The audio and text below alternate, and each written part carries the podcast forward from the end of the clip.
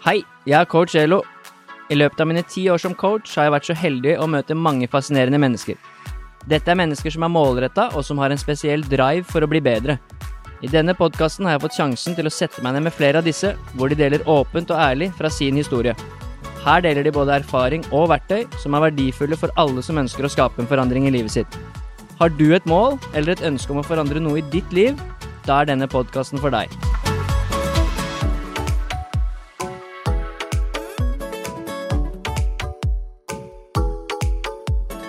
Kristiane Stormoen, aka prestasjonsernæring. Det er Yes. et vanskelig ord som du skal få lov å prøve å si etterpå. Velkommen. Tusen takk skal du ha. Helt i starten, hvem er du? Ja, eh, navnet mitt er da Kristiane Stormoen. Eh, jeg er eh, 26 år, spiller håndball for Storhamar, og har da startet et eget foretak som heter Prestasjonsernæring. Nå klarte du å si det. Jeg klarte å si det. Det er bra. Har litt problemer sånn ellers. Du skal fortelle litt mer om selskapet ditt etterpå. Hva det handler om, Ja. og hvorfor du starta det.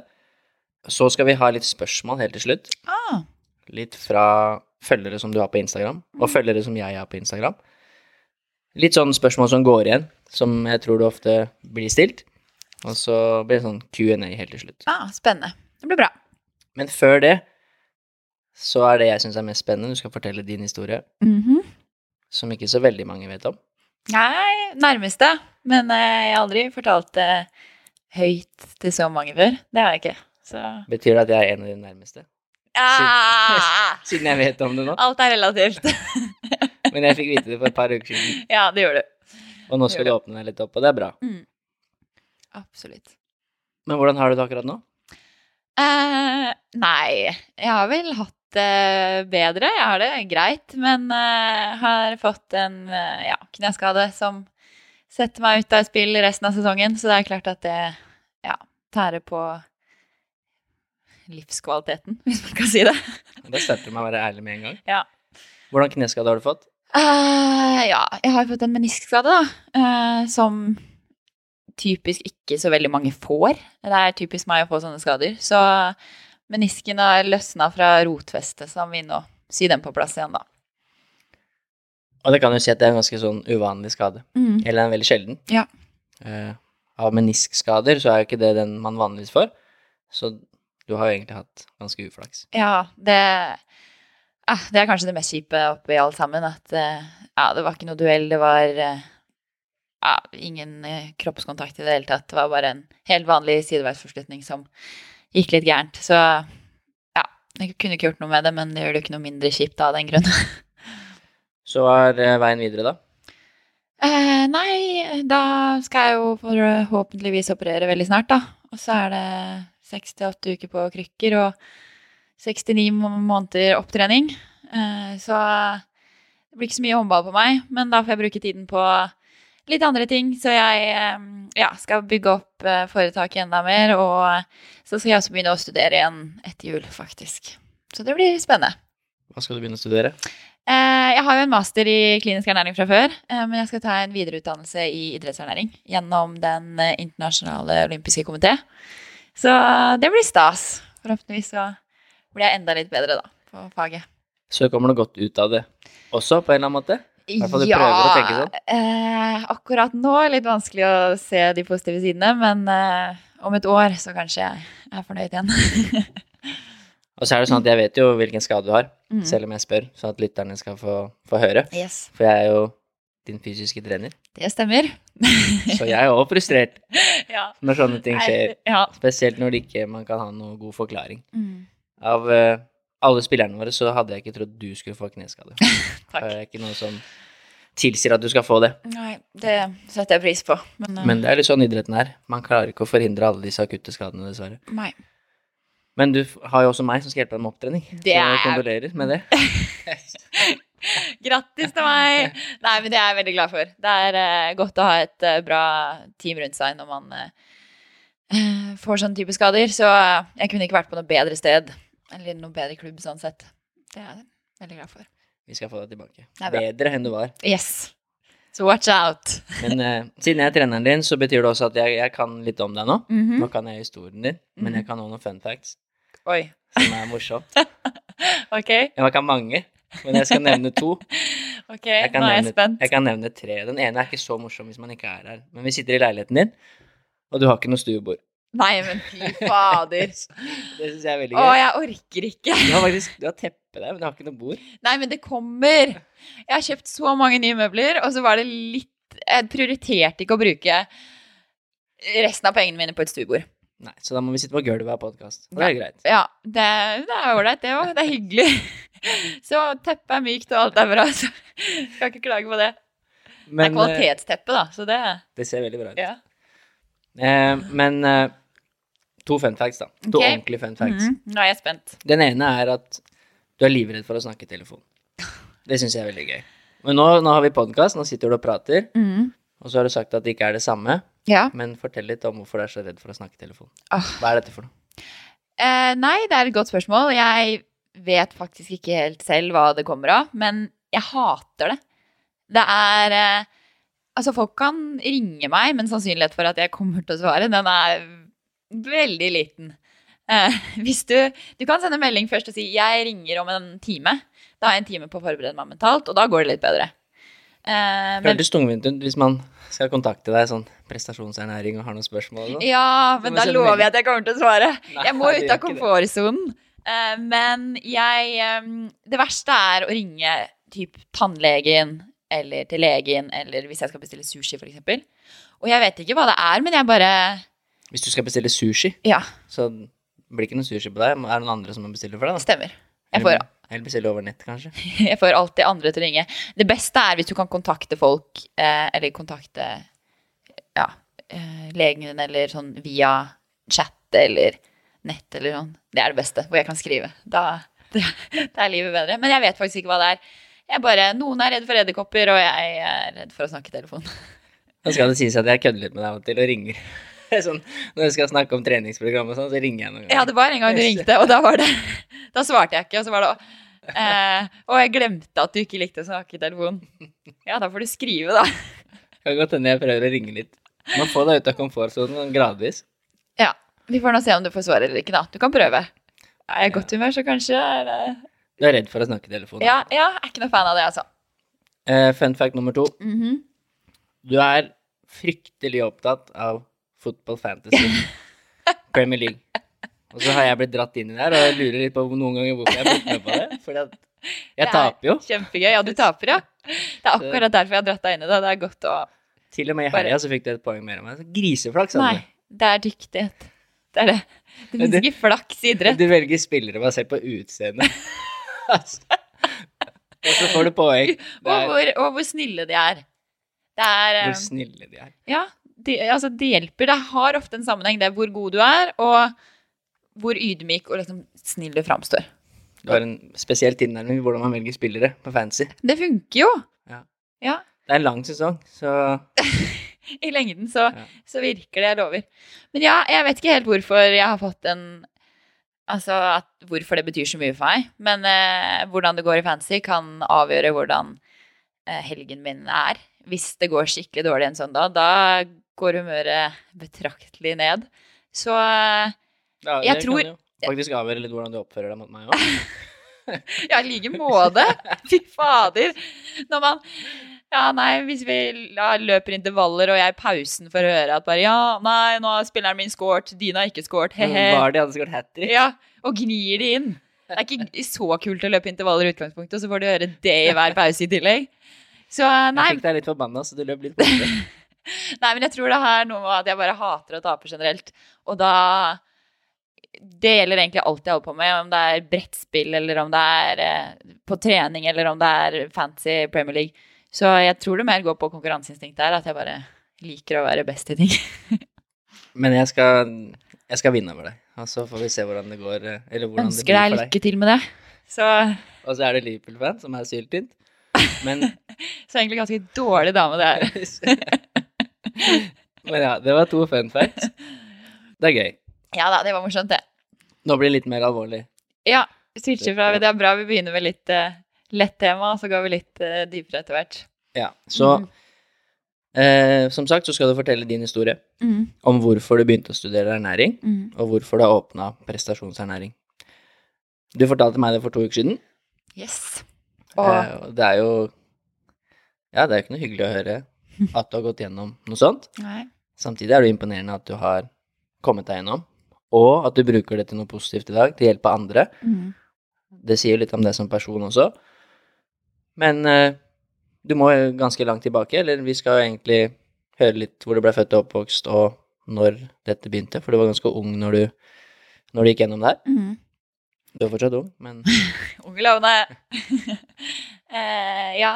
Nei, ehm, jeg eh, er født og oppvokst eh, i Oslo, Lasker, men vi flyttet til Tønsberg da jeg skulle begynne på skolen. Så jeg vil si at jeg er eh, Jeg sier at jeg er eh, oppvokst i Tønsberg. Det er det som er hjembyen min.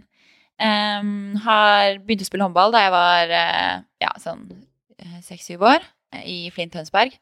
Og helt siden da så har egentlig håndballen vært eh, det som har betydd mest for meg, og det som har eh, ja, gitt meg mest glede i livet. Eh, ikke bare fordi at det har vært eh, fint å være med venner, og at det har vært en god arena sånn sett, men ja, generelt har bare håndballen betydd mye, og jeg har alltid liksom hatt et veldig brennende ønske om å bli best mulig, da. Og da jeg var 15, sommeren til 10. klasse, så bestemte jeg meg for at nå skulle jeg bli best, nå skulle jeg begynne å satse skikkelig. Eh, og da tenkte jeg at eh, da måtte jeg legge om kostholdet mitt. For eh, jeg hadde hørt at man måtte spise bra også hvis man eh, hadde lyst til å bli best. Utfordringen var at jeg visste altfor lite om kosthold til å vite hva jeg påførte meg selv. Eh, så det jeg i prinsippet gjorde, var at jeg begynte å trene ekstremt mye og spise tilsvarende lite. Eh, Så istedenfor å spise normalt, som jeg hadde gjort i alle tidligere år, så begynte jeg å spise salat og drikke vann og løpe hver eneste dag. Eh, og det gikk jo ikke så, så veldig bra. Um, så i løpet av den sommeren så utviklet jeg en ganske alvorlig spiseforstyrrelse. Som eh, ja, har preget meg og ungdoms, ungdomsårene mine og ja, resten av livet mitt siden det, egentlig. Og Du skal jo fortelle litt mer om, om spiseforstyrrelsen etterpå. Det jeg lurer litt på, som jeg har spurt deg om en gang tidligere, er hva som fikk deg til å tro at salat og vann var liksom det som var riktig? Eller Mm. hvor kommer de tankene fra? Altså, det var jo litt medier og sånn da òg, men ikke sånn som det er i dag. Nei. Men hvor er den informasjonen kommet fra, at det liksom det er salat og vann som er det beste for å bli god? Uh, jeg tror det var noe jeg tenkte i mitt eget hode.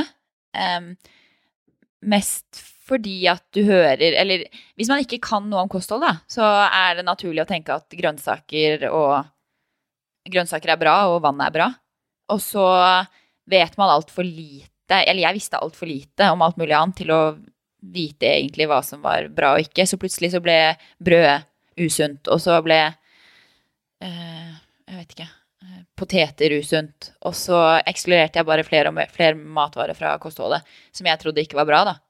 Men eh, Og så går man inn på VG, og så leser man en overskrift, og så bare Å, det må være sant. Og så snapper man opp det, og så overhører man en samtale, og så snapper man opp noe der. Og så til slutt så bygger man seg bare et bilde, tror jeg selv, av hva som er bra og ikke bra. Det må være noe sånt. Ja, og det gikk jo ikke sånn kjempebra. Nei, det gjorde ikke det. Eh, som du sa, den sommeren så utvikla du spiseforstyrrelser. Mm. Når er det du forsto at du var syk? Eh, det tok Det tok ganske lang tid. Um, jeg trente som sagt veldig mye og uh, spiste ikke i, i det hele tatt omtrent. Uh, og jeg har noen liksom klare minner over situasjoner hvor jeg tenkte at noe ikke var som det skal. Eh, det første var da vi spilte en turnering i eh, Asker eh, rett etter sommerferien var ferdig. Em, og vi skulle spille en semifinale der. Og jeg husker at jeg skulle skyte et em, Jeg var i kontra, så skulle jeg hoppe, og så svikta beinet mitt når jeg skulle hoppe opp, fordi jeg hadde ikke noe kraft eller noe å stå imot med. Eh, og da husker jeg at jeg selv skjønte at ok, nå er det noe som ikke er som det skal, og så bytta jeg meg ut selv. Eh, et annet eksempel var da vi skulle Jeg husker det som om det var i går, at vi skulle ut og løpe intervaller på en av de første øktene etter sommerferien. Eh, og bestevenninna mi og jeg hadde alltid vært eh, godt trent begge to. Eh, hun elsket ikke å trene, så hun hadde ikke trent sånn supermye gjennom sommeren. Eh, og jeg hadde jo trent hver eneste dag. Eh, men da vi kom tilbake på den intervalløkta, så husker jeg at vi løp like bra. Og hun hadde som sagt ikke trent, og jeg hadde jo trent hele tiden. Så da skjønte jeg også at ok, nå er det noe som kanskje ikke er som det skal treningsmessig. Men det er vanskelig å skjønne at det er maten, fordi jeg kunne så utrolig lite om det. Eh, og det var på et tidspunkt, eller den dagen, da, eh, jeg faktisk fortalte pappa det, så skjønte jeg det jo ikke selv. Eh, for det var Jeg husker at vi var ute på en løpetur, og eh, så kom vi inn på det her, og så sa jeg til pappa at jeg kan ikke spise det jeg vil lenger. Og da Jeg vet ikke om de hadde fanget opp tidligere, eller For de må jo ha sett at jeg ble tynnere, men jeg, jeg, jeg har liksom ikke noe god, god forklaring på hvorfor det tok litt tid, da. Og jeg tror helt ærlig at jeg ikke skjønte hva det var selv. Jeg visste ikke hva en spiseforstyrrelse var. Så det at jeg ikke kunne spise det jeg ville lenger, var eh, Jeg vet ikke. Naturlig Eller ja, føltes ikke noe unaturlig, da, på en måte. Men eh, på det tidspunktet så så hadde du også begynt å bli en del tynnere? Ja, absolutt. Jeg var Hva var det da? 1,73 høy og 48 kilo eller noe sånt. Så det var ikke så mye å skryte av. Så det var ganske tydelig. Ja. Men det var ingen som sa noe? Trenere, lærere, foreldre, venninner? Eh, nei, eh, jeg tror, jeg tror at hadde det vært i dag, så hadde det vært enklere fordi at jeg føler at det kanskje er litt mer fokus på det. Da så hvis, Jeg visste ikke hva det var. Jeg tror ikke venninnene mine visste hva det var. Og det hadde jo gått over sommerferien, så vi hadde jo ikke hatt noen treninger felles eh, sånn sett. Men det var ingen som, som kommenterte det eller påpekte at jeg hadde blitt tynnere. Og det tror jeg kanskje var like greit, fordi det hadde nok bare mata det enda mer, så. så ja.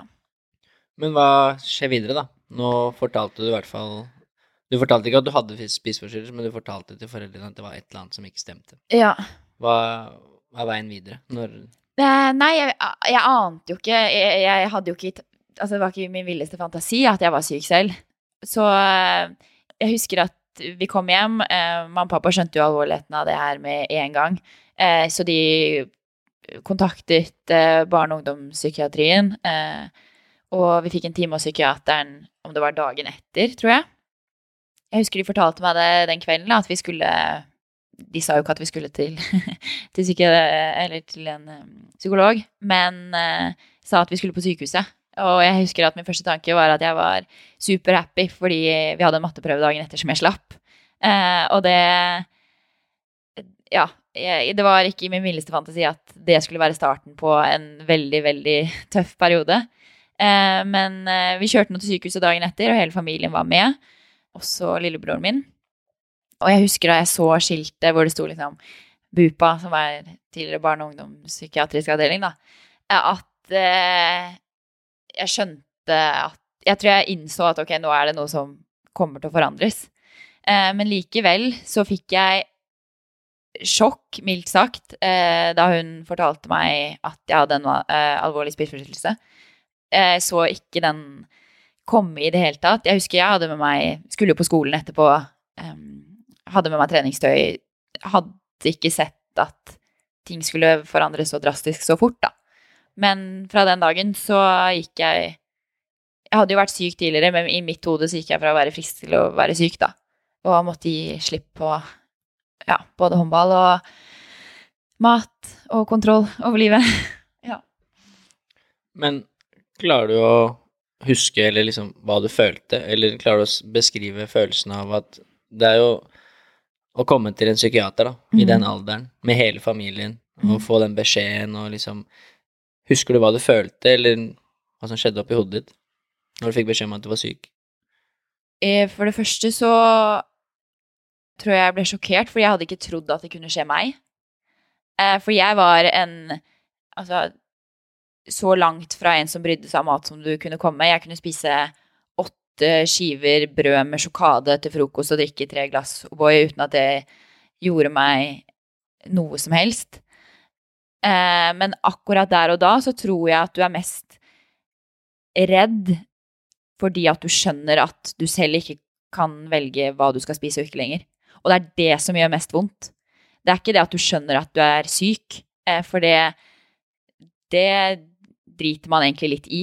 Det man er mest redd for, er at du mister kontrollen selv over hva du skal spise. Jeg visste at når jeg kom hjem nå, så fikk ikke jeg lov til å spise salat lenger. Da var det mamma og pappa som bestemte hva jeg skulle spise.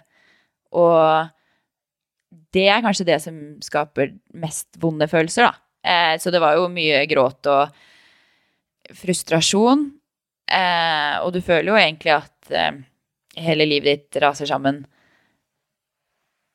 Og det verste når man tenker tilbake på det, er som sagt at det ikke er fordi at du er syk, men fordi at du ikke lenger får muligheten til å kontrollere hva du skal spise og ikke.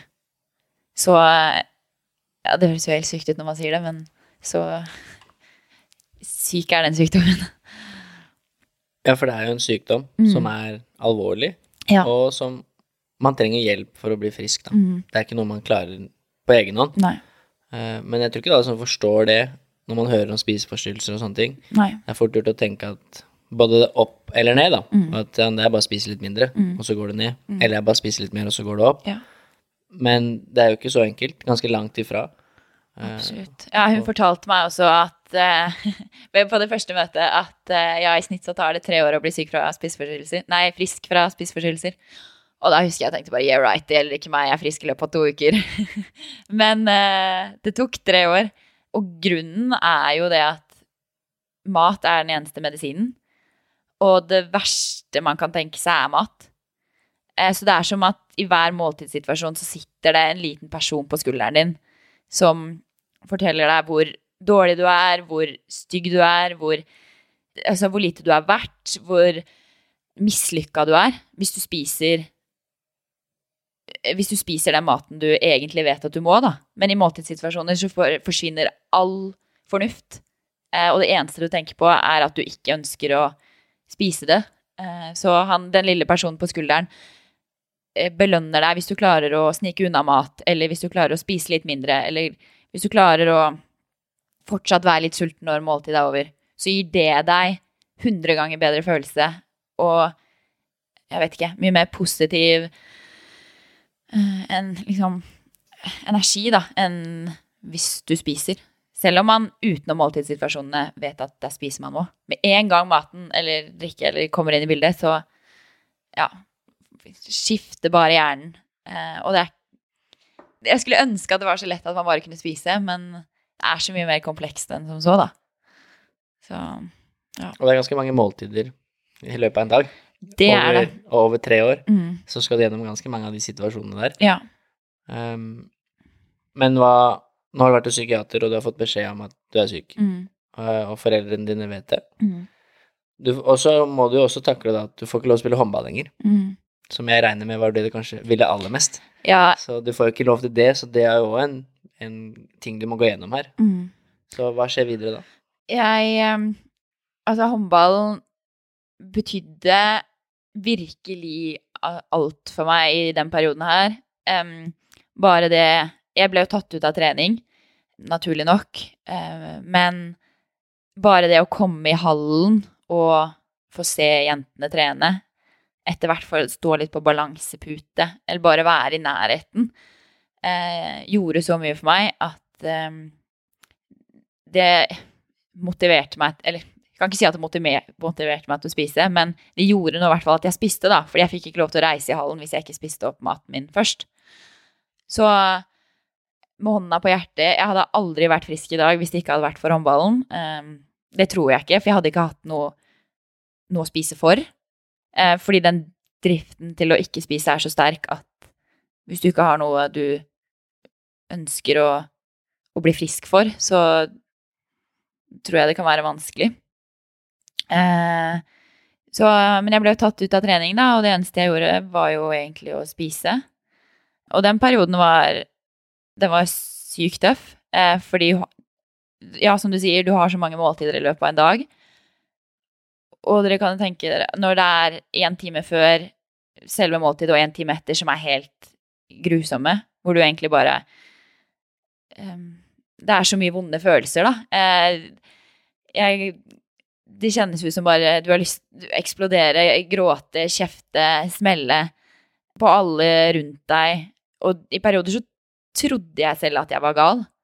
For jeg var liksom ikke Kristiane Eller det var ikke samme person, da. Eh, men det var en altså, fordel med at vi var hos psykiater alle sammen, fordi mamma og pappa var med hver eneste gang. Og hun forklarte, forklarte det også veldig mye om sykdommen. Eh, så de visste det at når jeg klikka uh, når vi spiste, så var ikke det nødvendigvis meg, men det var sykdommen som tok kontroll over meg. Og det var også godt å vite, fordi at da fikk jeg lov til Eller fikk ikke lov, men jeg kunne agere, da, på sjuke måter uten at de dømte meg som person, da. Og det var aldri snakk om at jeg ikke fikk Altså ikke skulle spise opp maten min, eller eh, fikk spise noe annet, eller eh, De var beinharde, begge to. Og ja, for eksempel, jeg husker jeg måtte drikke sånn energishaker, tre stykker om dagen, som var sånn, ja Vanlig med karbohydrat, fett og protein som inneholdt type et middagsmåltid i energiinnhold. Og eh, så skulle jeg få lov til Jeg hadde spist opp den måltidet jeg skulle ha før trening, men jeg måtte også ha en sånn energisjekk da, før jeg fikk eh, reise og se på trening. Og pappa kjørte meg, og rundt Flinthallen så er det en sånn liten runde. Eller det er en bilvei rundt hallen. Og pappa kjørte altså rundt og rundt eh, Flinthallen helt til jeg hadde drukket opp. og det var ikke snakk om at jeg fikk gå ut av bilen før, før jeg hadde gjort det. Eh, og igjen da så kom jo håndballen inn i bildet der at for meg Jeg ville bare inn i hallen der og være en del av det. Så da drakk jeg opp, da. Eh, fordi jeg ikke hadde noe annet valg. Men hadde jeg ikke hatt håndballen, så vet jeg ikke om jeg hadde drukket opp. Så ja, ja nå snakka jeg meg bort her, men Nei, det er fint. Eh, det var i hvert fall viktig at foreldrene dine var med. Ja. Eh, og forsto sykdommen, fikk den forklart, og så kunne legge til rette for det. Mm. Og når du ble sur og ja, klikka rundt måltidene, så forsto de hvorfor. Ja. Eh, det kan jeg se for meg var ganske vesentlig. Da. Ja, eh, absolutt. Eh, en annen Nå er det mye historier her, da, men eh, jeg Altså, selve sykdommen, den handler jo veldig mye om kontroll. Og det å føle at du mister kontrollen. Og eh, hvis du har sett for deg en ting, så er det typ det verste som kan skje, at eh, noe annet skjer istedenfor. Eh, så jeg husker en gang Jeg hadde bare sett for meg at jeg skulle få brødskive med fiskekaker når jeg kom fra skolen. Og det var sånn det var i hodet mitt. Og så kom jeg hjem fra skolen, og så hadde mamma lagd spagetti og kjøttdeig. Så det, nå i etterkant, det virker jo helt irrasjonelt at man skal frike helt ut av det, men det var et så stort issue for meg at jeg ikke fikk spise de fiskekakene, nei, brødskiver med fiskekakene, at eh, jeg rett og slett eh, klikka. Eh, og jeg har jo en lillebror, og han var jo superhappy. Kom hjem hver dag fra skolen og fikk eh, ferdig servert middag. For mamma og pappa var, tok ut permisjon begge to, det, så det var alltid en hjemme med meg under måltider. Så han var kjempehappy og fikk jo varm mat etter skolen, og det var jo mye mer luksus det enn å spise tørre brødskiver med leverpostei. Så um, han satt der pent og spiste spagettien sin. Uh, men jeg hadde altså Det var jeg bare som en vulkan. Så uh, jeg, jeg klarte ikke uh, å spise den maten. Så jeg tok den altså bare med hendene og kasta rundt på kjøkkenet. På lillebroren min og på mamma. Og på vegger og skap. Og bestikk og glass og alt gikk i veggen. Det så ikke ut. Eh, og tar, eller lillebroren min da, og mamma er like rolig. Eh, jeg spurt, ja, løper ut og hylgråter sikkert og er helt fortvila. Kommer tilbake i håp om at jeg kanskje fikk lov til å spise fiskekaker nå, men eh, når jeg kom tilbake, da, så var det en ny porsjon med spagetti og kjøttdeig der. Så det var bare å pent spise opp, og så ja, finne seg det. Eh, og det hadde aldri Mamma og pappa var også veldig på Jeg kunne ikke gå til en av de og si at jeg har ikke lyst til å spise det. Eh, og så gikk jeg til den andre, og så fikk jeg lov. Eh, de var så utrolig samkjørte på det der. Og det tror jeg også er mye er fordi at de så, lærte så mye om sykdommen da underveis. Og skjønte at jeg ikke kom til å bli frisk hvis jeg fikk flere alternativer. Så hadde ikke de visst så mye og lært så mye og vært så delaktig i selve sykdomsperioden, da, så tror jeg Ja, jeg vet ikke om vi hadde vært en like solid kjernefamilie i dag som det vi er. Dere kanskje blitt sterkere av det? Eh, ja. Ja. Eh, vi har ikke snakka så liksom, Vi har jo snakka om det i etterkant, men eh, eh ikke så mye. Eh, men, så dere eh, snakker ikke om de episodene her og? Jo da, de kan vi, jo, de kan vi le av. men jeg tror nok at jeg satt dype spor i mamma og pappa også.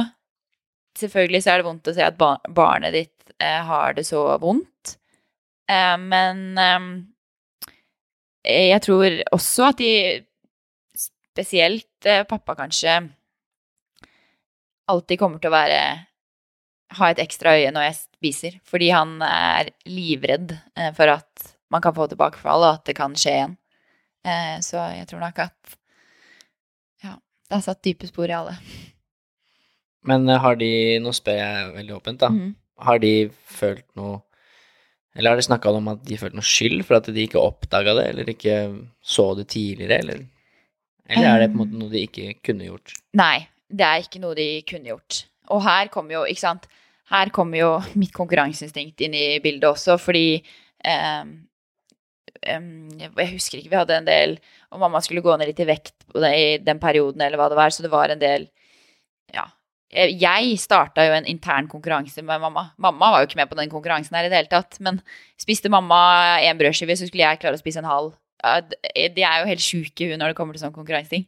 Så, men det er eh, absolutt ingenting de kunne gjort annerledes. Altså, du blir ekspert. Altså, jeg gjemte Altså, det kunne fint se ut som jeg spiste fem brødskiver til frokost. Det de ikke visste, var at den ene havna i bukselomma, og den andre jeg vet ikke Forsvant ned i T-skjorta mens jeg spiste, for eksempel. Altså Man blir rågod på alle mulige triks og ja, måter å lure de rundt deg på, da. Så. Det kan jo hende du har dratt med deg noe av det konkurranseinstinktet til i dag, som for eksempel inn i fantasy-ligaen og sånn. Jeg har alltid vært til stede. Jeg vil, jeg vil, si at det er bedre at jeg får det ut uh, på Fantasy enn uh, en med mat, da. Det er helt riktig. Så, det er enig. Ja. Så nei Det er jo klart at en sånn sykdom Jeg har lært veldig mye, men um, selvfølgelig skulle jeg gjerne vært det foruten. Uh, når alle andre har hatt en normal ungdomstid, så har jeg valgt å Eller jeg har ikke valgt, men jeg var så syk da at man unngår sosiale ting fordi at det blir spist pizza, eller alltid kommer senere fordi at du må spise hjemme, så foreldrene har kontroll på hva du spiser, eller Ja. Eh, altså, det er så Ja. Jeg mista Eller, jeg har ikke mista de, men eh, kunne ønske Ja, jeg kunne ønske liksom at man hadde en, en um, ungdomstid som ikke var så prega av ja, så mye vonde følelser, da. Men uh, når du er inne på det, har jeg lurt litt på, fordi i den alderen, uansett, så er det jo vanskelig hvis man på en eller annen måte skiller seg ut mm. fra alle andre. Uh, det tror jeg de fleste barn syns er vanskelig. Mm. At man i de tilfellene da må spise noe annet, eller ikke få være med på det de andre får være med på. Mm. At man på en eller annen måte blir satt litt på sidelinja, da. Hvordan var det liksom med venninner og lagvenninner og sånn? Hvordan er det de behandla deg? Klassevenninner, lærere og sånn? Følte du at du ble behandla som om du var syk, eller er det Prøvde de å behandle deg vanlig? Eh, nei, vennene mine var helt fantastiske. Eh, de har alltid ja, invitert og inkludert og eh, prøvd å behandle meg så normalt som mulig. Og respekterte også veldig det at jeg sa at jeg spiser hjemme først, og så kom jeg etterpå. Og når jeg kom, så var alt som normalt. Lærerne mine var også superflinke. De fulgte med på at jeg spiste matpakka på skolen. Så de passa også veldig på. Og så etter jeg ble syk, så hadde jeg både venner, familie og et støtteapparat rundt meg som ja, støtta meg hele veien og ikke fikk meg til å føle meg noe dårlig eller unaturlig. Det var 100% meg selv som, som sto for. For det er jo mange måltider som ikke er hjemme òg, Mm. eller sånn i den alderen. Ja. Når du er på reise, eller når du er på cup, eller når du er på skole, eller hva det måtte være. Mm. Så ja, du trenger jo hjelp fra flere hold. Mm. Foreldrene dine kan ikke være der hele tida. Og det var en, det var en utfordring. Eh, jeg husker jeg følte litt på det fordi vi skulle på klassetur til Polen. Eller en sånn hvite busser-reise. Eh, den høstferien rett etter jeg hadde blitt syk. Eh, og i utgangspunktet så skulle jeg jo ikke noen av mine foreldre være med. Men eh, pappa da var jo en helt og ja, ble med på busstur for å passe på. Og det er jo klart at i noen sånne settinger så ble det vanskelig for meg. Du stopper på en bensinstasjon da, og alle jubler og skal spise Få kjøpe hamburger og bolle og godteri. Og jeg står der i en halvtime for å se på næringsinnholdet på hvilken bagett som har minst energi, eller ja eh, Hvilket Jeg vet ikke. Dropp som ikke inneholder sukker. Um, men uh, pappa var med, sørga for at jeg spiste. Og jeg vet ikke om det føltes vanskelig å ha med pappa på det da. Helt sikkert litt unaturlig, men sånn i etterkant nå så var det jo helt nødvendig. Det ser jeg jo. Men der og da kanskje ikke det var det kuleste. Det kan jeg innrømme. Men hvordan ble liksom disse tingene presentert for deg når du snakka med psykiater og sånne ting? Fordi det kan relateres til f.eks. en som er overvektig, som jeg jobber mye med, som da får mange av disse situasjonene når du er i sosiale sammenheng. Hvis du er i en bursdag, eller hvis du er eh, kake på fredagen på jobben, altså et eller annet, så blir du satt i en situasjon hvor du må skille deg ut fra alle de andre. Og det er jo ikke så mange som klarer det. Nei. Er det noe du husker at dere jobba med, eller snakka om? Hvordan, hvorfor det er sånn? Du skjønte jo etter hvert kanskje at du var syk, og at du måtte være sånn, men jeg kan se for meg at det, du blir satt i de situasjonene veldig ofte, da. Mange ganger kanskje i løpet av en dag. Ja. For det første så skjønner man ikke Jeg tror ikke helt man skjønner at man er syk før man er blitt ganske frisk. Eh, for jeg husker det at hun psykiateren sa det at den dagen jeg sa at jeg, jeg vet, jeg skjønner at jeg har en spiseforstyrrelse, så sa hun at nå har vi kommet langt på vei. Men det med sånne, sånne situasjoner, da, det er jo altså det verste som fins. For da føler du at du skiller deg ut. Fordi at det kakestykket er ikke med i den beregninga på hva du skal spise i løpet av dagen. Etter hvert så går man inn i rutiner, og du skjønner at ok, det her er jeg nødt til å spise. Men hvis det da kommer et kakestykke i tillegg, så kan det bare skape fullstendig kaos. Og da kan du velge å spise det for å ikke skille deg ut. Eller så kan du velge å spise det og føle deg helt Ja, jeg skal ikke banne, men føle deg dritt, da. Eh, etterpå. Eh, og da velger man ofte det å heller skille seg ut og finne på en unnskyldning. Og så Du trenger ikke å være rakettforsker for å skjønne at det er en unnskyldning, men eh, samtidig så føles det enklere. da. Eller så unngår man situasjoner, rett og slett. Dropper å være med. Eh, drar ikke den bursdagen, eller Det har jo skjedd, det òg. Og det er jo også vondt å tenke på. Men det er det jeg tenker, at eh, liksom, lærere og trenere og foreldre til venninner og sånn, de måtte jo kanskje på en eller annen måte få beskjed om at du var syk òg. Eh, for det er jo fort gjort hvis du kommer i en bursdag og man ikke vet hvorfor du ikke har lyst på kake, så kan det bli litt sånn Men herregud, du kan ta et kakestykke. Ja. Men du kunne jo ikke det fordi du var syk, eller at det var veldig mye mer komplekst, da. Mm. Og jeg tenker de situasjonene er vanskelig, fordi det er jo ikke sikkert alle forstår at du er syk, eller de vet ikke. Nei. Og så blir det sånn, men herregud, du kan jo spise Kan litt spise? godteri, liksom. Mm. Og de situasjonene kan jeg se for meg er veldig vanskelig å bli satt i, da. Mm. Gang på gang, da. Ja. Veldig ofte. Så nei, jeg har nok Jeg mener For jeg har vært åpen om det. Eh, som jeg, vi har snakka om òg, så er det ikke sånn at jeg eh, forteller det til mennesker jeg ikke kjenner, eller som jeg ikke stoler på, men eh, når jeg blir bedre kjent med folk og, eh, og, og altså mine nærmeste barndomsvenner og familie og sånn, har jo alle vært klar over det, og der har vi vært åpne om det hele veien. Og jeg tror noe av grunnen til det er at man, sånne situasjoner skal bli enklere, da. At det skal være enklere for meg å leve normalt. For det var jo det var jo målet til mamma og pappa fra starten av, at jeg skulle få lov til å le, leve så normalt som mulig. Eh, og det var jo sånn at en periode der så fikk jeg ikke lov til å sykle til skolen. Eh, fordi at sykling var jo trening, eh, typ. Og da visste de jo aldri om jeg sykla altså, en time ekstra for å få den treningen, eksempel. Det kunne jo fort skjedd. Um, men da husker jeg det betydde så mye for meg å bare få lov til å sykle til skolen, fordi at alle andre sykla til skolen. Uh, mens um, i, Altså, alle andre 15-åringer hadde jo Altså, deres største drøm var jo å bli kjørt til skolen hver dag, slippe å sykle. Mens for meg, da, så bare det å være så normal som mulig, det betydde så mye, som du sier, i den alderen, da. At jeg, jeg fikk lov til å sykle til skolen fordi at Ja, det gjorde ting mest mulig normalt, da. Så. Men det virker i hvert fall som at du har hatt eh, et bra apparat rundt deg, og at spesielt foreldrene dine virkelig har lagt til rette da, for at du skal komme deg gjennom det. Mhm. Og for det, det er jo mange fallgruver her, Ja. eh, overalt hele tida, hver dag. Mm, absolutt. Så det, det er- høres veldig Ja, det høres ut som de har gjort en god jobb. Ja, eh, mamma og pappa Jeg skylder de hele verden for at jeg er eh, At jeg er frisk. Eh, Ja, eh, jeg tror man er Man er nødt til å ha noen som stiller opp for seg i sånne situasjoner. Så jeg får liksom ikke Altså De fortjente jo ikke eh, all den kjeften og hylinga og skrikinga og stygge ordene og alt jeg har kalt de liksom opp igjennom. sånn i ettertid. Men um, de sto fader meg i det, ass. Det, det skal de ha. Så Ja, det står respekt av. ja.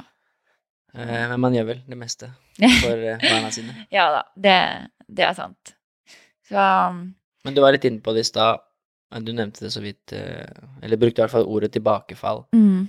Hva Eller hvordan fungerer den sykdommen sånn? Er det sånn at du fortsatt kan få det, eller er det vanlig at folk får det, eller er du helt frisk og liksom nå blir du aldri syk igjen? Altså, det her er kanskje det jeg syns er vanskeligst å snakke om. Eh, fordi at jeg tror jeg alltid kommer til å ha en sårbarhet for det. Um, og jeg fikk jo Jeg fikk jo et tilbakefall eh, da jeg spilte junior-VM junior i Når var det da? I 2012.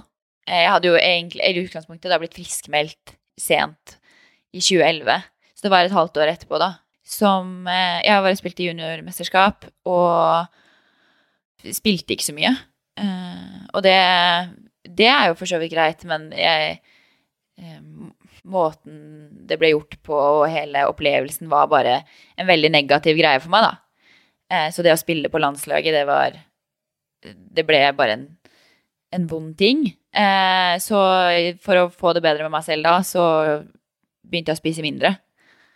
Og det gikk jo ikke så bra, da, så kanskje ikke, ikke like alvorlig som hva det var, men jeg spiste jo mindre, og paradoksalt nok så gjorde jeg en veldig god sesong, så den eh, våren så ble jeg kalt inn på rekruttlandslaget. Eh, Men da jeg kom dit, så husker jeg jeg fikk beskjed om at jeg var for tynn. Eh, Og da var jeg i utgangspunktet frisk. Så man kan absolutt få Altså, man kan bli helt frisk, det vet jeg, men jeg tror at jeg alltid kommer til å ha, ha det med meg. Jeg anser meg selv som frisk i dag. Jeg har ikke noe problem med å, å spise nok mat, og jeg er veldig opptatt av det for å kunne prestere best mulig. Men jeg vet at i tøffe perioder hvor ting går litt imot, så ja, kan det være fort gjort å eh, begynne å tenke at man skal kontrollere det med mat igjen. Heldigvis så er den store forskjellen nå at jeg skjønner når tankene kommer, og skjønner at de er irrasjonelle. Men eh, ja, et helt normalt eh, forhold til mat vet jeg aldri om jeg kommer til å få. Ja, så som du sier, så er det kanskje alltid der, eller at de tankene kan dukke opp, men forskjellen nå er at du gjenkjenner dem, og kanskje da kan gjøre noe med det. Fordi du starta denne episoden her med å si at akkurat nå så har du det ikke helt konge, fordi du er skada. Og du vet at du spiller ikke noe mer håndball denne sesongen her. Eh, Det er ikke en lett beskjed å få. Spesielt ikke for en som deg, hvor håndball betyr mye, og hva, Ja, nå er du i en vanskelig periode, da. Hva er det som er viktig for deg nå, for å, at ikke det her skal bli noe kluss med det greiene her, da? Altså, først Det her, eller en sånn beskjed, er typ den verste beskjeden jeg kunne fått. Først og fremst fordi at jeg ikke får holde på med det jeg elsker mest i hele verden, eh, og som jeg bruker all tid på. Og når man på toppen av det vet at skadeperioder kan være tunge fordi at man er slitt med det her tidligere, så blir det bare en sånn dobbel greie fordi jeg blir redd i tillegg. Eh, og jeg vet med meg selv at man kan være sårbar. Så jeg eh, Ja. Jeg, jeg, jeg vet jo at eh, at jeg må spise. Eh, og jeg kommer jo til å, å gjøre det. Fordi det siste jeg vil, er jo å, å få et tilbakefall. Eh, men de tankene, de eh, De kan komme. Og ja, det gjør ikke noen sånn skadeperiode så mye enklere. Men eh, ja, Nei, for nå har jeg, vært, jeg har vært treneren din tre-fire måneder. Ja. Det høres jo ikke så lenge ut, men vi har jo tilbrakt mye tid. Mm. Det blir jo sånn med toppidrett at man er sammen veldig mye. Og du er jo, selv om jeg ikke har trent deg så lenge, så er du jo en av de mest profesjonelle spillerne jeg har trent. Du er liksom en som alltid gjør det du skal. Du ikke, trenger ikke å spørre deg om du har gjort økta. Jeg veit at du har gjort det, og vel så det. Ja. Og jeg egentlig heller kanskje bremse deg. Du kan ta fri, Kristiane. Uh, så jeg vet jo hvor mye det betyr for deg. Det vises, vises jo litt gjennom handlingene dine. Mm. Og jeg har jo òg sett nå, etter at du skada deg, at du forandrer deg jo litt. Naturlig nok. Det ville alle gjort da. Ja. At man Det er kjipt å få det. Mm. Uh, og kanskje spesielt de første ukene man ikke helt vet hva det er, og så får man beskjed at ja, du er ute resten av sesongen, så er det, det er vanskelig for alle. Mm. Men, men, det er jo ganske tydelig at det preger deg mye. Så hva er viktig for, for oss som er rundt deg, da? Mm. Hva kan vi gjøre for å legge til rette for deg? Venner, trenere, lagvenninner. Du er veldig opptatt av å gå på trening, være med på kamp. Eh, Være med når det er oppmøte. Du kommer ikke bare for å se kampen, men du kommer for å være med laget. Disse tingene er viktige for deg. Mm. Beholde det. Ja. Ehm, for min del, altså Noen klarer jo ikke å være i hallen i det hele tatt og syns det er helt grusomt. Eh, for min del så Jeg tror på akkurat samme måte som da jeg var syk, da. Eh, så handler det nå også om å bare føle at man er en del av det. At jeg kommer i garderoben til oppmøte og kan i hvert fall late som jeg da, at jeg skal spille kamp helt fram til kampen starter og man ikke skal eller på trening at det er alltid noe man kan gjøre. At om jeg kan stå og kjegle for bakspilleren eller spille en pasning, eller Så er man i hvert fall eh, en del av det. Og du blir ikke tatt bort fra deg på helt samme måte som det gjør hvis man ikke er der, da. Eh, og det gruer jeg meg til med etter operasjonen. Jeg må være hjemme og ikke, ikke få være i nærheten. For da, da rives alt bort, eh, på en måte. Så for min del så er det bare at folk er så normalt som mulig. Og egentlig bare later som jeg er en del av det, selv om man ikke er det. Vi trenger ikke å late som, for du er en del av det. Ja. Eh, og du er jo også en, eh, en litt eldre spiller. Altså, du er Mm. ikke gammel, men du er, har erfaring likevel. Ja. Vi har mange på laget som er mye yngre. Mm. Så det, du får jo en viktig rolle uansett, og man kan jo ta på seg noen litt ekstra roller der, ja. og hjelpe andre, Det sant. selv om du ikke spiller selv. Ja. Eh, Men vi skal i hvert fall sørge for at du er en del av laget. Ja. Og det er veldig viktig for meg. De jeg har fulgt opp med som har vært skada, som får beskjed om at de er ute lenge, så er det kjempeviktig, syns jeg, at man fortsetter å holde rutinene sine. Mm. Og for en håndballspiller så er jo det å gå på trening når de andre går på trening. Mm. Kanskje du gjør noe annet. Noe helt annet. Mm. Fordi du kommer med krykker eller skinner eller hva det måtte være, men du er der Mm. samtidig som de andre er der. Det er viktig, tror jeg. Jeg er enig. Og så er det jo Man er jo individuell eller forskjellig på det der. Noen takler det ikke fordi det er for vondt. Og jeg vet ikke om de følelsene kan komme etter hvert. Det kan det sikkert. Men akkurat nå, da, så føles det best sånn for meg. Altså, får man se. Og jeg er jo ikke den første som går gjennom en, en langvarig skade. Herlighet, folk opplever det hele tiden, så det kommer jo til å gå bra. Men eh, ja, det er ikke noe mindre kjipt, selv om Ja, en jeg vet kommer til å klare det, så er det deg, i hvert fall. Takk. Det er jeg helt sikker på. Men eh, å beholde rutiner og beholde sosiale Mm. som henger litt sammen der, er- det tror jeg er viktig, da. Ja. Det er en nøkkel. Og så skal jeg som fystrener får jeg sørge for at du får trent så bra som mulig. Ja, For du har fortsatt en overkropp, og du har fortsatt uh, ja en skulder, og kan, mye du kan gjøre. Ja. Så prøv også å gjøre at man føler at man har et treningsopplegg da, som, som er litt meningsfullt. Mm. Det er ikke bare rehabilitering av et kne, men det er masse andre ting du kan gjøre òg. Ja. Men uh, nå falt vi litt ut. Men det er Det fint. gjør vi. Det er fint, det. ja. Eh, men i bunn og grunn, du er frisk nå. Ja, eh, det er jeg. Og um, jeg, som sagt, så tror jeg alltid det er en, noe som vil følge med meg. Og det har prega Det har prega livet mitt. Og det ja, Hva skal jeg si Det eh, Jeg ville jo ikke by På en måte har jeg lært utrolig mye, og det har gjort meg til den jeg er i dag. Eh, Men samtidig så får jeg ikke de årene tilbake igjen. Så det er selvfølgelig sårt, og det, det er kjipt. eh, Men eh, livet går videre, så litt livserfaring ryker av meg i hvert fall blitt, da. Ja, jeg personlig Jeg er jo litt glad i sånne ting, holdt jeg på å si, men jeg personlig tror at du har blitt den du er på grunn av det, Mm. og blitt mye sterkere. Og ofte så Det ser man med mange mennesker, man må gå gjennom et eller annet eh, for at uh, det skal skje noe, da. En Mm. forandring, eller at man Du begynte å studere ernæring Stemmer. litt på grunn av det her, Mm. og du har åpna et selskap nå litt på grunn av det her, Mm. og du hjelper allerede mange, meg selv inkludert, med å gå opp, Ja. så jeg får større muskler. Ja. Det har jeg fått. ja, så bra. Og uh, du bruker det til noe positivt, da. Ja. Du bruker det til å hjelpe andre, og det hadde du ikke gjort hvis du ikke hadde vært syk. Det er sant. Mest sannsynlig. Ja. Jeg vet Altså, det er ganske interessant, fordi jeg vet ikke om jeg hadde studert ernæring om det ikke hadde vært for at jeg var syk. Men da jeg ble frisk der og fikk muligheten til å studere det, da, så så jeg egentlig på det som en Altså grunn, grunnmotivasjonen min var at jeg bare ønsket å kunne hjelpe andre så de ikke havnet i samme situasjon som det jeg gjorde. For jeg unner ingen i verden det. Og det også, er jo også grunnen til at jeg Eller noe av grunnen da, til at jeg startet prestasjonsernæring nå. At jeg har lyst til å være en god stemme på, i sosiale medier. Eh, fordi det fantes ikke da jeg skulle vite, eller skulle finne ut av hva som var bra å spise og ikke spise. Så jeg trodde jo som sagt at salat og vann var det som var bra. Men Så jeg har lyst til å være en stemme som viser hva som faktisk er bra, da. Og fremmer viktigheten av nok mat og riktig mat for å kunne prestere og bli bedre. Så ja, jeg har bare lyst til å Jeg har så lyst til å hjelpe andre.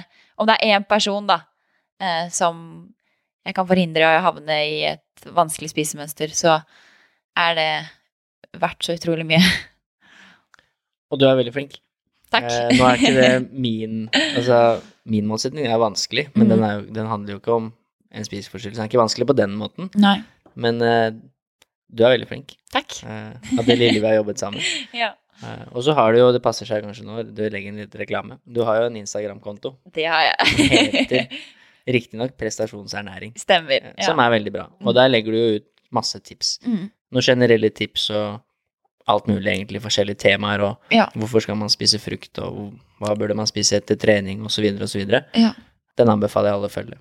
Takk. Ganske mange som følger den nå. Ja, det kommer seg. Så Ikke i nærheten av meg, men du er ja, bare litt, gi meg litt tid, så nærmer vi oss. Det kommer nok til å bli mye større. Nei. Men det som er, det er at jeg bare Jeg tror at eh, det blir lettere å ta riktig valg med kunnskap.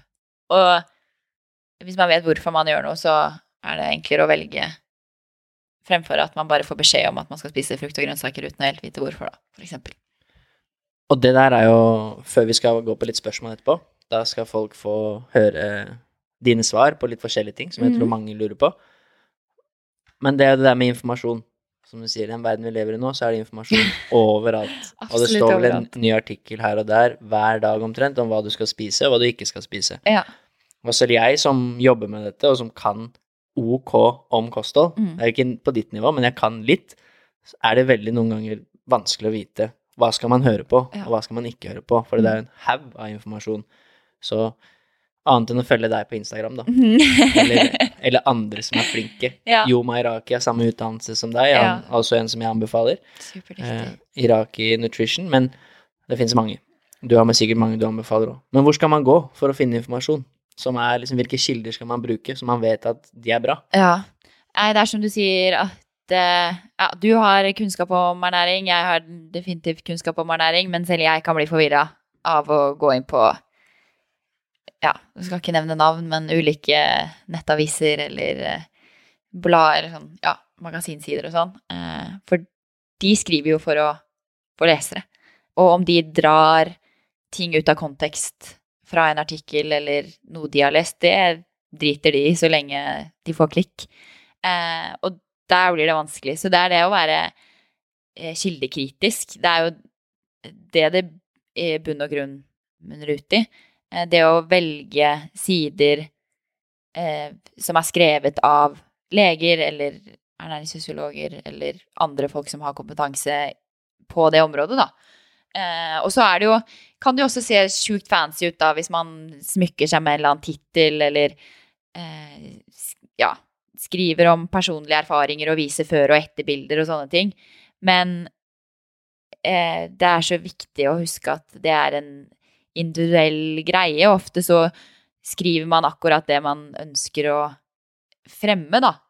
Så det kan hende at ja, nei, jeg har gått ned 20 kilo og jeg har slutta å drikke lettbrus, men så nevner man ikke at man også har begynt å spise mer frukt og grønnsaker, og at man er flinkere til å um, spise jeg vet ikke uh, grove kornprodukter, for eksempel. Uh, så det at man prøver å få et helhetlig bilde av det man ønsker å sette seg inn i, og så velge kilder som eh, ja no, eh, norsk helseinformatikk eller eh, altså ulike sider hvor det er leger som uttaler seg, eller som du vet at kan faget sitt, da.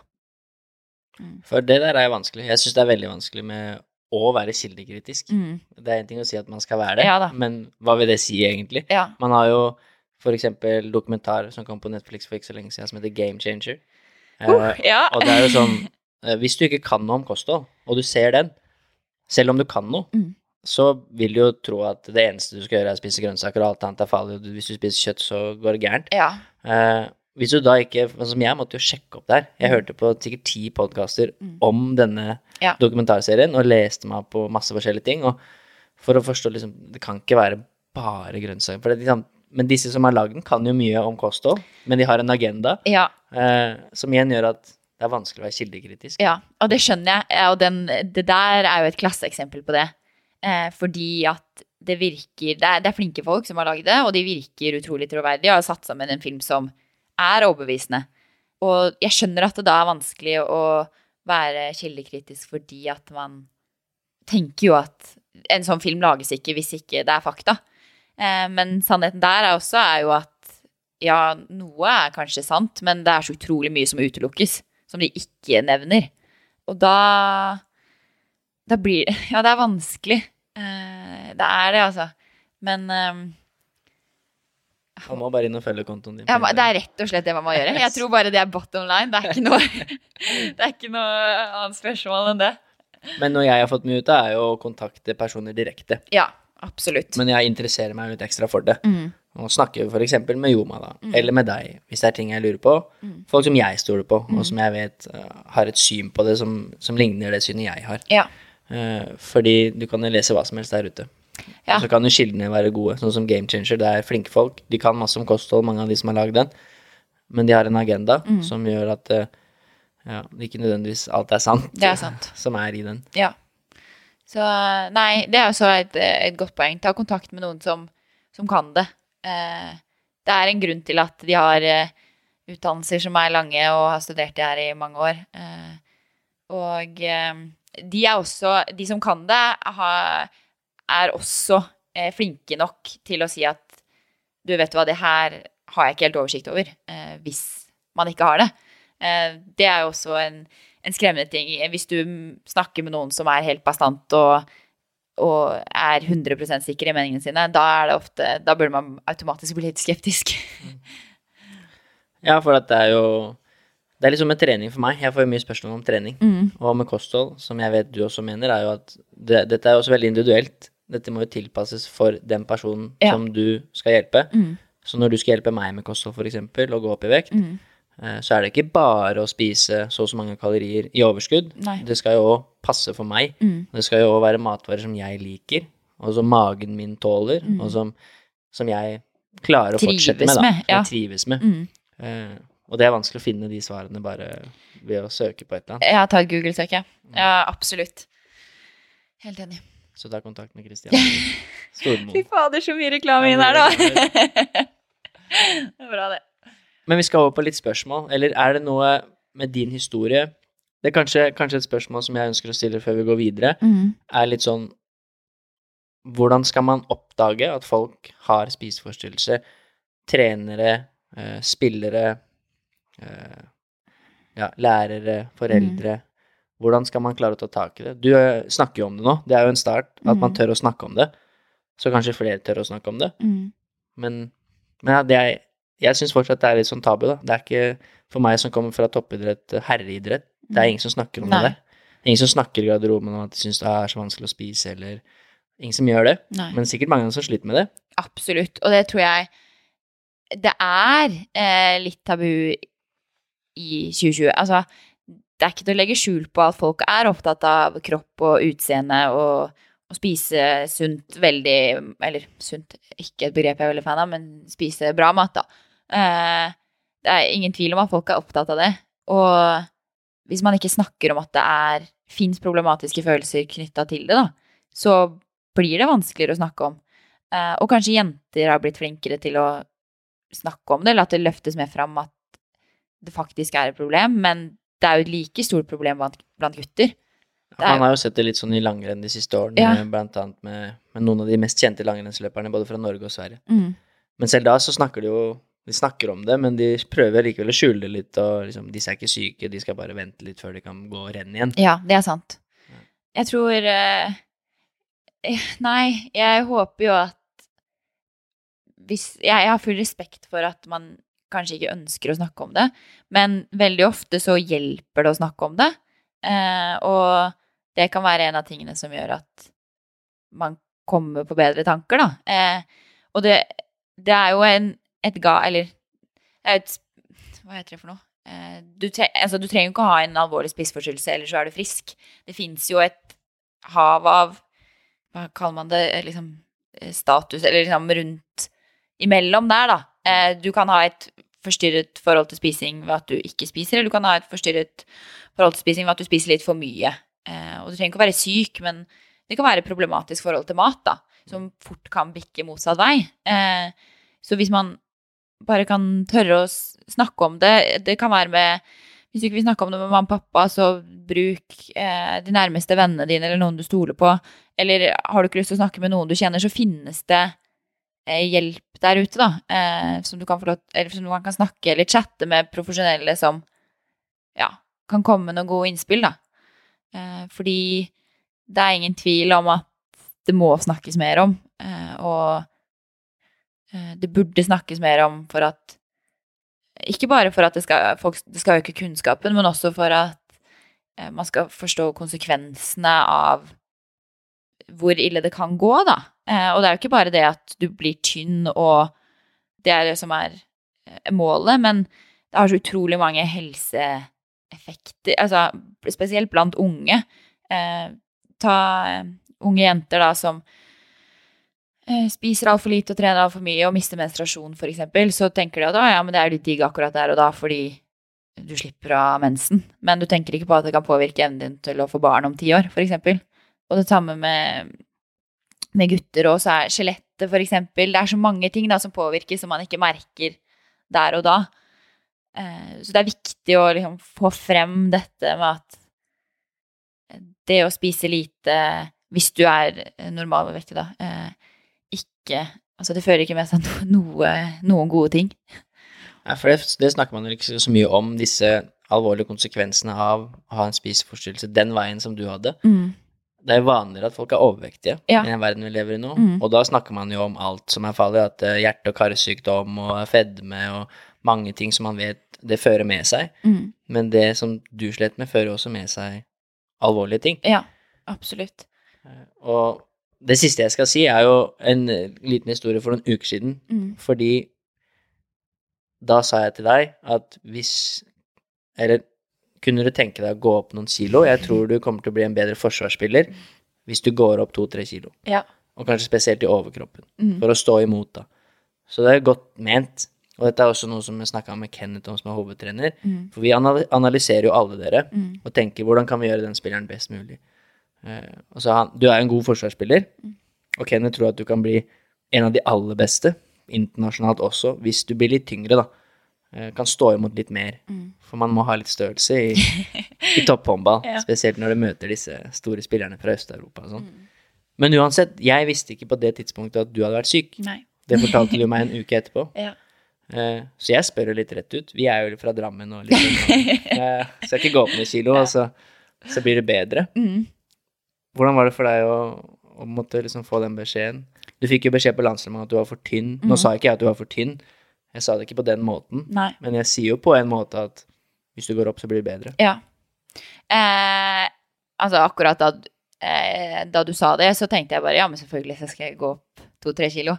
Eh, for meg var det absolutt Det var ikke noe å tenke på engang. Eh, mener du og Kenneth at jeg blir en bedre forsvarsspiller av å, av å gå opp, så Altså, det var det var bare 100% ja med en gang, da. Og da hadde jeg ingen, ingen problematisk Eller det var jo ikke vanskelig for meg i det hele tatt. Samtidig så eh, er jo jeg frisk. Eh, en eh, Jeg vet ikke om en spiller på 16 hadde takla det på samme måte. Det er vanskelig å si. Fordi man også er så forskjellig. Eh, så jeg tror det er viktig å kjenne utøveren litt før man ja, går, går på de spørsmålene og vekk, da. Samtidig, jeg vet ikke om du hadde spurt Det er nok ikke det første du hadde sagt til meg liksom, når vi møttes. Nei, det er ikke. Jeg syns jo det er veldig vanskelig Jeg jobber jo med mange spillere som er unge òg. Sånn som i vårt lag har vi noen som er 18 og 19. Ja. Men jeg jobb, har jobba med folk som er 13, 14, 15. Eh, og jeg syns det er vanskelig, mm. uansett hvor gamle de er, å snakke om disse tingene. Og det er ikke nødvendigvis vekt. Jeg kunne også sagt at hvis du blir litt større og sterkere, Mm. så blir du en bedre forsvarsspiller. Det innebærer jo at du må gå opp noen kilo. Mm. Eh, og jeg syns det er vanskelig å prate om det. Mm. Så du, jeg føler du må kjenne spilleren. Henny Reistad er jo en spiller som har gått opp ganske mange kilo siste året, Mm. etter at hun ble skada. Og jeg vet ikke mange, men ganske mange. Eh, Men man føler liksom at hun ja, tåler å få den beskjeden og Ja. forstår det og er oppegående og, og selvstendig, og da er det greit. Men Mm. I etterkant, sånn som når jeg hørte din historie, så ble jeg enda mer sånn at man må jo være litt forsiktig med hva man sier. Ja. Den beskjeden du fikk på landslaget, var jo bare at du var for tynn, Ja. men det fikk veldig store konsekvenser. ja da. Det var eh, Men samtidig, da, da jeg fikk den beskjeden, så tror jeg det var en litt sånn oppvekker for meg da. Bare ok, shit, nå har det gått for langt her. Nå er jeg faktisk på vei tilbake. Så etter det så klarte jeg å snu det igjen. Men hadde noen sagt til meg da jeg var på mitt sykehus, da, at nå er du for tynn, så hadde jeg bare Yes! Dritbra. Da funker det jeg holder på med. Og så hadde det bare mata enda mer.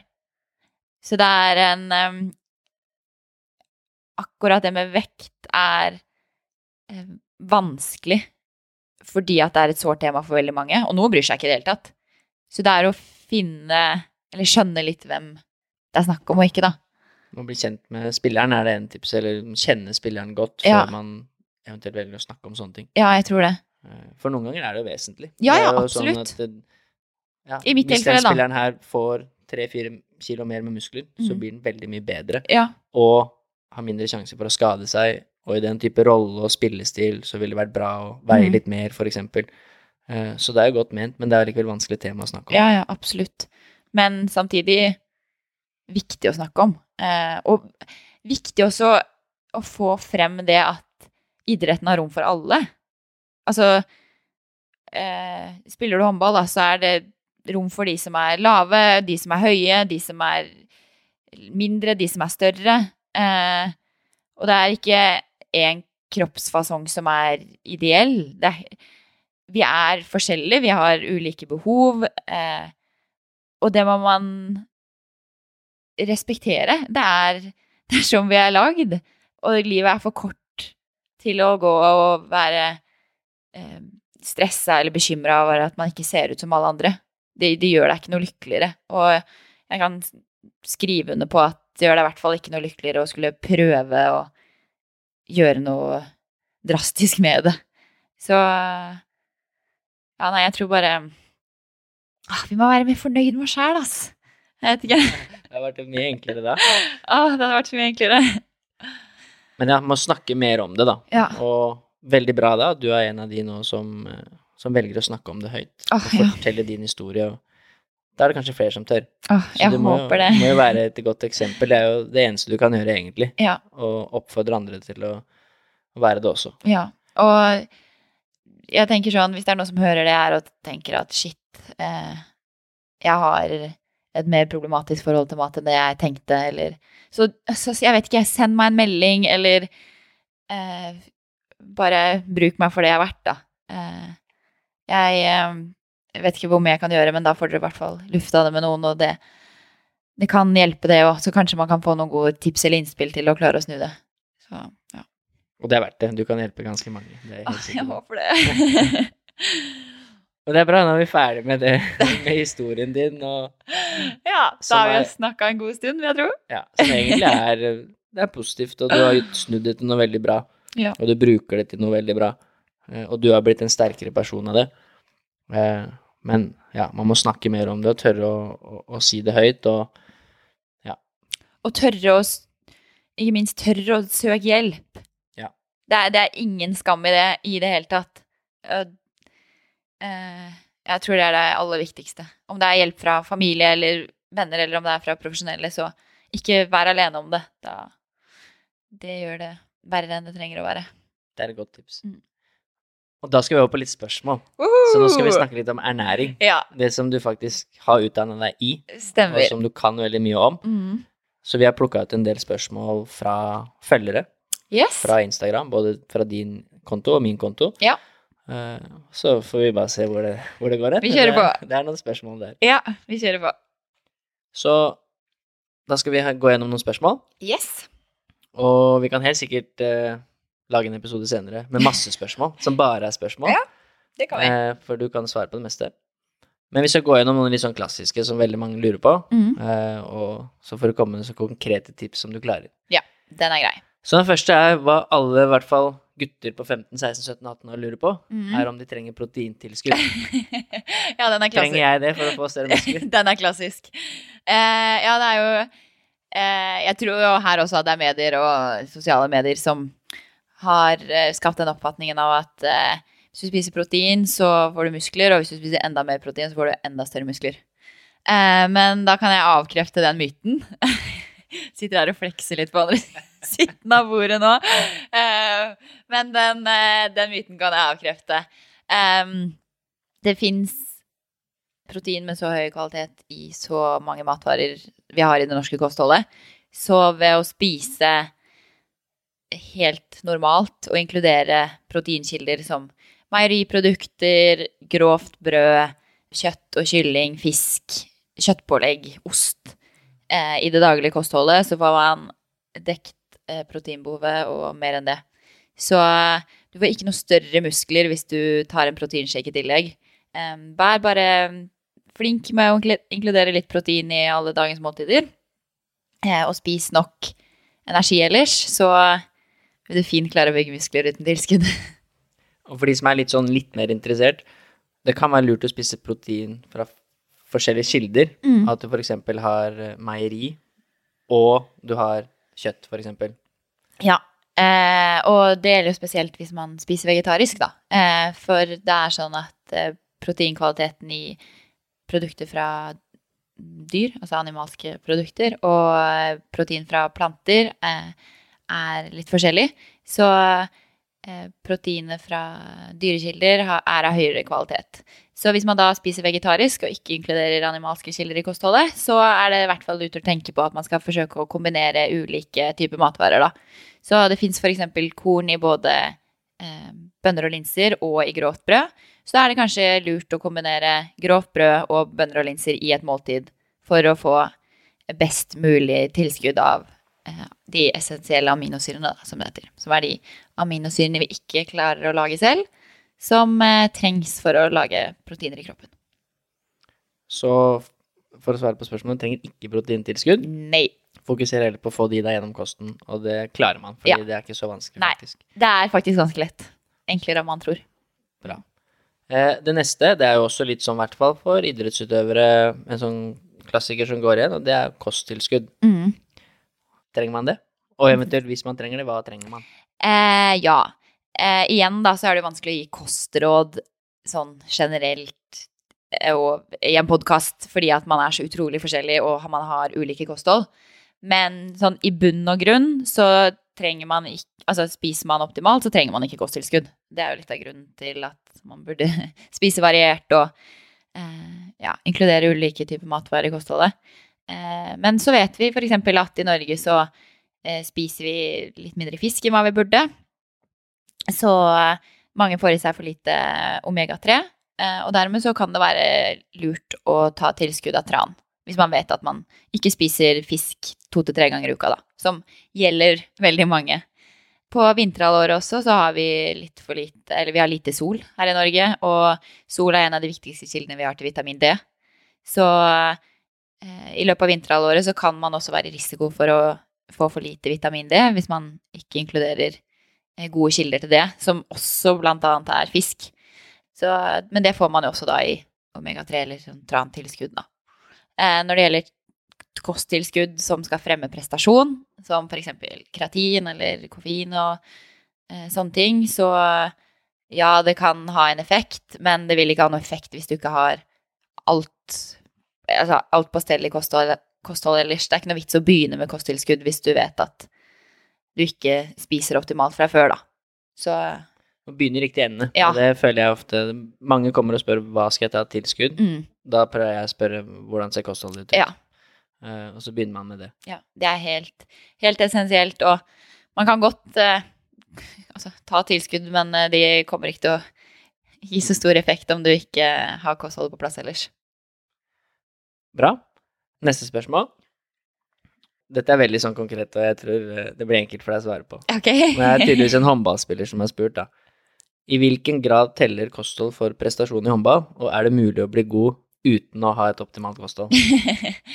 eh, ja, for å svare på spørsmålet, det er absolutt mulig å bli god uten å ha et optimalt kosthold.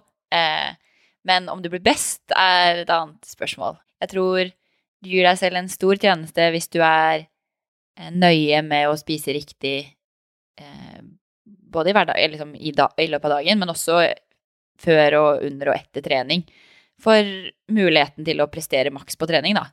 Eh, og man kan jo også tenke sånn, ok, de som er best, hadde vært enda bedre hvis de hadde vært supernøye på kosthold? Mest sannsynlig ja. Eh, fordi man ville fått mer, litt mer ut av hver økt, og litt mer over mange år utgjør ganske mye. Så ja, man kan absolutt bli bra uten et optimalt kosthold, men eh, du blir garantert bedre eh, hvis du også har kosthold på plass.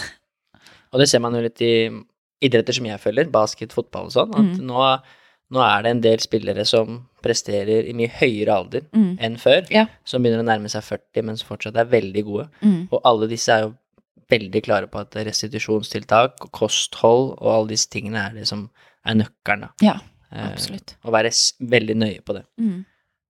Ok, så du anbefaler i hvert fall å prøve å ha et så bra kosthold Ja. som mulig, men du kan bli god uten. Du kan absolutt bli god uten. Eh, så spørs det hvor god du vil bli, da. Eh, neste spørsmål er litt eh, i forbindelse med trening. Ok? Hva bør man spise etter en trening? Hva og hvorfor? Eh, det spørs igjen da litt hvordan type trening du har gjort. Men si at du har hatt en eh, utholdenhetsøkt, da. Eller hatt en håndball, fotball eller jeg vet ikke, ishockeytrening, eksempel.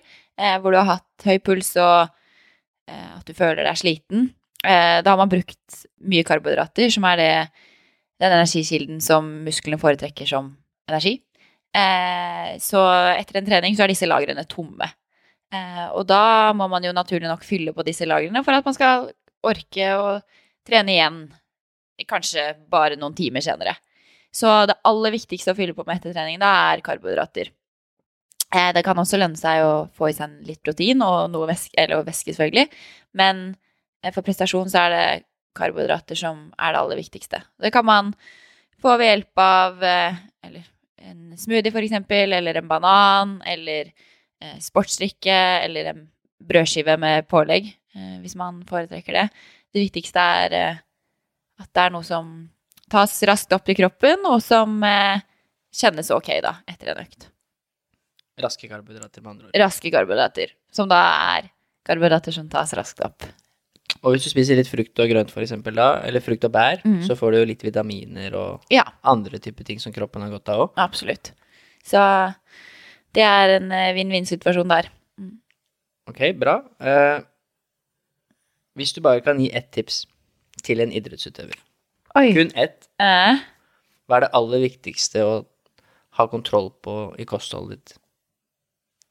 oi. Her Bare ett tips, eh, så tror jeg at det må være å spise nok. Fordi hvis du ikke gjør det, så får du ikke henta deg inn etter økt. Du får ikke noe ut av styrketreninga du holder på med.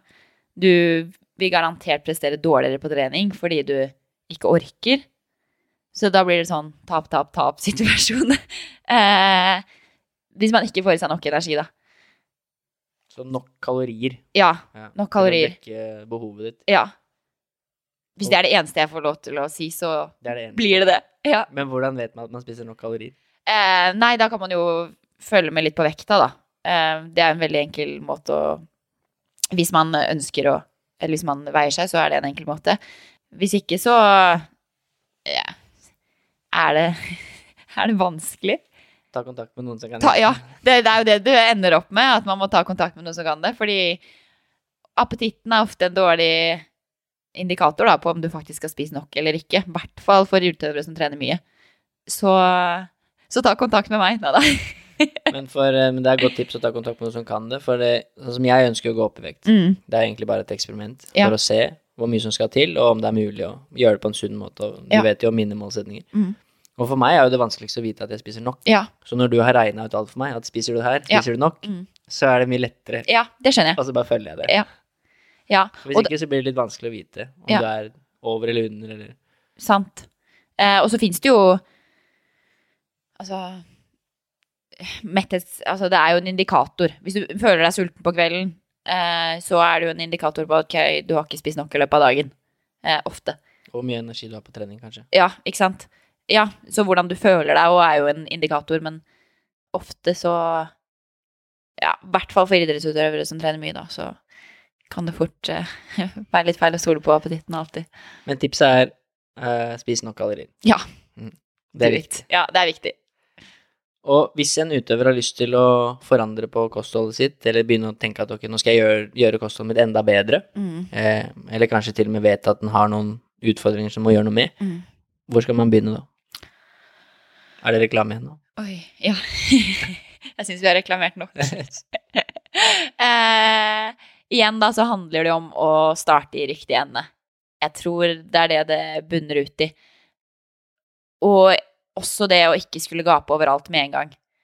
Hvis du har et kosthold som du har lyst til å endre noe på, så ikke endre ti ting om, av gangen. Eh, for det første så blir det vanskelig å følge på kort sikt, men sjansen for at man klarer å holde rutinene i det lange løpet er også ganske små. Um, så jeg ville starta med det store bildet, sett på de små endringene som kanskje kan gjøre en stor forskjell, da, istedenfor å gå veldig på detaljfokus på enkeltmatvarer eller på uh, ja, på små ting som i det store bildet egentlig ikke har så mye å si. Spiser jeg nok karbohydrater? Spiser jeg nok Får jeg meg nok energi? Uh, spiser jeg nok proteiner? For eksempel. Og dette er jo, i hvert fall i mine øyne, det er litt som uh, fysisk trening eller styrketrening. Det er et fag Mm. eh, som det er vanskelig å vite fasiten på hvis ikke du kan noe om det. Ja. Så å oppsøke noen som har utdannelse i det, vil jo alltid være uansett et godt tips. Da. Absolutt. Ja, ja, ja. Da får du svar på det du lurer på. Ja. Og så er det lettere å, å justere og, og forstå mer. Du vil jo også lære av det, Ja, av å gjøre det. sant. Jeg skal gi deg ett spørsmål til, okay. før du skal få to som ikke handler om ernæring. Ja.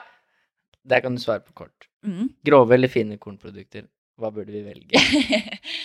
ja, du, altså, utfordringen med, med sånne spørsmål om ernæring er jo at det ikke går an å svare så himla kort. Men jeg skal prøve å svare så kort som mulig. Til hverdags grove, mest fordi at det også inneholder vitaminer og mineraler, som fine kornprodukter ikke gjør. I forbindelse med trening eh, så er vi veldig individuelle hva vi tåler, og hva magen vår reagerer på eh, under fysisk aktivitet. Eh, Så da kan noen med fordel velge fine produkter, og andre kan velge grove. Eh, Så det må man føle litt på. Eh, Det viktigste i forbindelse med trening er at man får eh, energien inn. Og hva man selv føler man presterer best på, da. Kort. Konsist. Så det kommer an på situasjonen hva man velger. Det kommer an på Men til er. hverdags så velger man grovt, i hvert fall. Til hverdags velger man grove produkter, ja. Mm. Det vil gi deg mer vitaminer og mineraler som bidrar til at du kan holde deg skadefri og sykdomsfri. Bra. Mm. Eh, hvis dere har flere spørsmål til Kristianne, så ville jeg sendt eh, melding på Instagram-kontoen din. Ja. Prestasjonsernæring. Ja, Og ja. du har jo mye spørsmålsrunder der og sånn også. Det stemmer. Så ikke vær redd for å spørre. De to siste spørsmålene handler ikke om ernæring. Ok, spennende. Det ene er, som jeg håper du klarer å svare på, men som kanskje kan være vanskelig for deg, Ok. det er eh, hva er du mest stolt av akkurat nå i livet ditt? Ja. Ja? Ikke sant? Oi. Eh, kan du begynne med at jeg slo deg fancy i helgen, da? Jesus Christ. Nei. Ja, det er faktisk ganske sterkt. Eh, Viseflaks hadde du. Men noe annet, Fra kanskje? spøk til alvor, da. Ehm, nei, ganske Jeg er stolt av eh, mye. For det første så er jeg stolt av å spille i det laget jeg gjør. Med de jentene og det støtteapparatet som, som er i klubben. Det er sykt eh, stas å få være en del av en så hardtsatsende gruppe. Um, og så er jeg stolt av å ha starta mitt eget foretak, som går over all forventning. Eh, og eh, all den positive feedbacken jeg får der. eh, det er jeg stolt av. Og så er jeg stolt av å komme til på utdannelsen, som jeg skal starte på i januar. Du har mange ting å være stolt av. Kjempebra. Det er viktig, så snakka du noen ganger òg. Ja. Bra. ja, takk. Det siste. Mm. Eh, der lager du et spørsmål når jeg har stilt deg det. Ok. Eh, hva synes du at vi burde spørre hverandre om oftere? Hos medmennesker, hvilket spørsmål burde vi stille hverandre oftere? Oi. Oi, det her ble jo veldig filosofisk, da. Um, ja, ikke sant? Det første som faller meg inn, er jo at man må Eller at vi burde spørre mer hvordan man har det. Men samtidig så er sannsynligheten for at man får et ærlig svar der, ikke sånn sjukt stor. I hvert fall ikke hvis det ikke er med nære relasjoner. Hvor ofte spør du en person hvordan har du det, og så svarer den ikke så bra. Det skjer jo ikke. Så jeg føler ofte at man kanskje ikke får et så ærlig svar da, som det man eh, kanskje ønsker Eller ja, burde. Altså, hvis jeg hadde spurt deg, og du sa nei, jeg har det ikke bra, så hadde jeg blitt satt ut. Jeg hadde ikke forventa det svaret. Når jeg spurte deg i starten av episoden hvordan du hadde det, så sa du at du ikke hadde det så bra. Ja, Men nå kjenner jeg deg, da. Ja, sant. Hadde vi, ja, men hadde vi møttes på treningssenteret, da, bare var mange rundt og ja, hvordan hadde du det, så hadde jeg svart ja, jeg bra. Det er jo ikke Ja. Så jeg tror en ting jeg syns er viktig, da, og som jeg tror at vi kan bli flinkere til, er å inkludere og spørre om folk vil bli med. Det trenger ikke nødvendigvis å være nærmeste vennen din eller familie eller hva det nå er, men bare spør, inkluder. Og så kan man heller velge å si nei, da. Men man har alltid plass til en til. Og det kan bety mer enn hva man tror, da, for den som blir spurt. Så jeg tror det at vi må være flinkere til å spørre om folk vil være med. Det er et godt tips.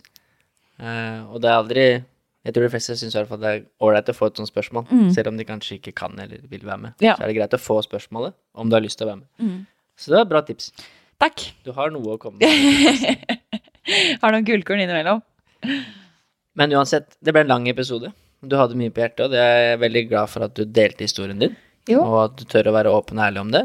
Eh, Da håper jeg at det er flere som tør å være det, siden du er det. Jeg håper det. Eh, Så tusen takk for at du var med, og lykke til med prestasjonsernæring og alt det andre du skal. Jo. Jeg tror vi ses igjen om ikke så lenge. Tusen takk for at jeg fikk komme, og vi ses snart igjen. Tusen takk for at du har satt av tid til å lytte. Det setter jeg stor pris på, og jeg håper at du sitter igjen med noe verdifullt. Hvis du ønsker mer inspirasjon til trening og helse, følg meg, coach Elo, på Instagram. Der kan du også stille meg spørsmål, samt komme med tilbakemeldinger til podkasten. Du finner lenken i episodebeskrivelsen.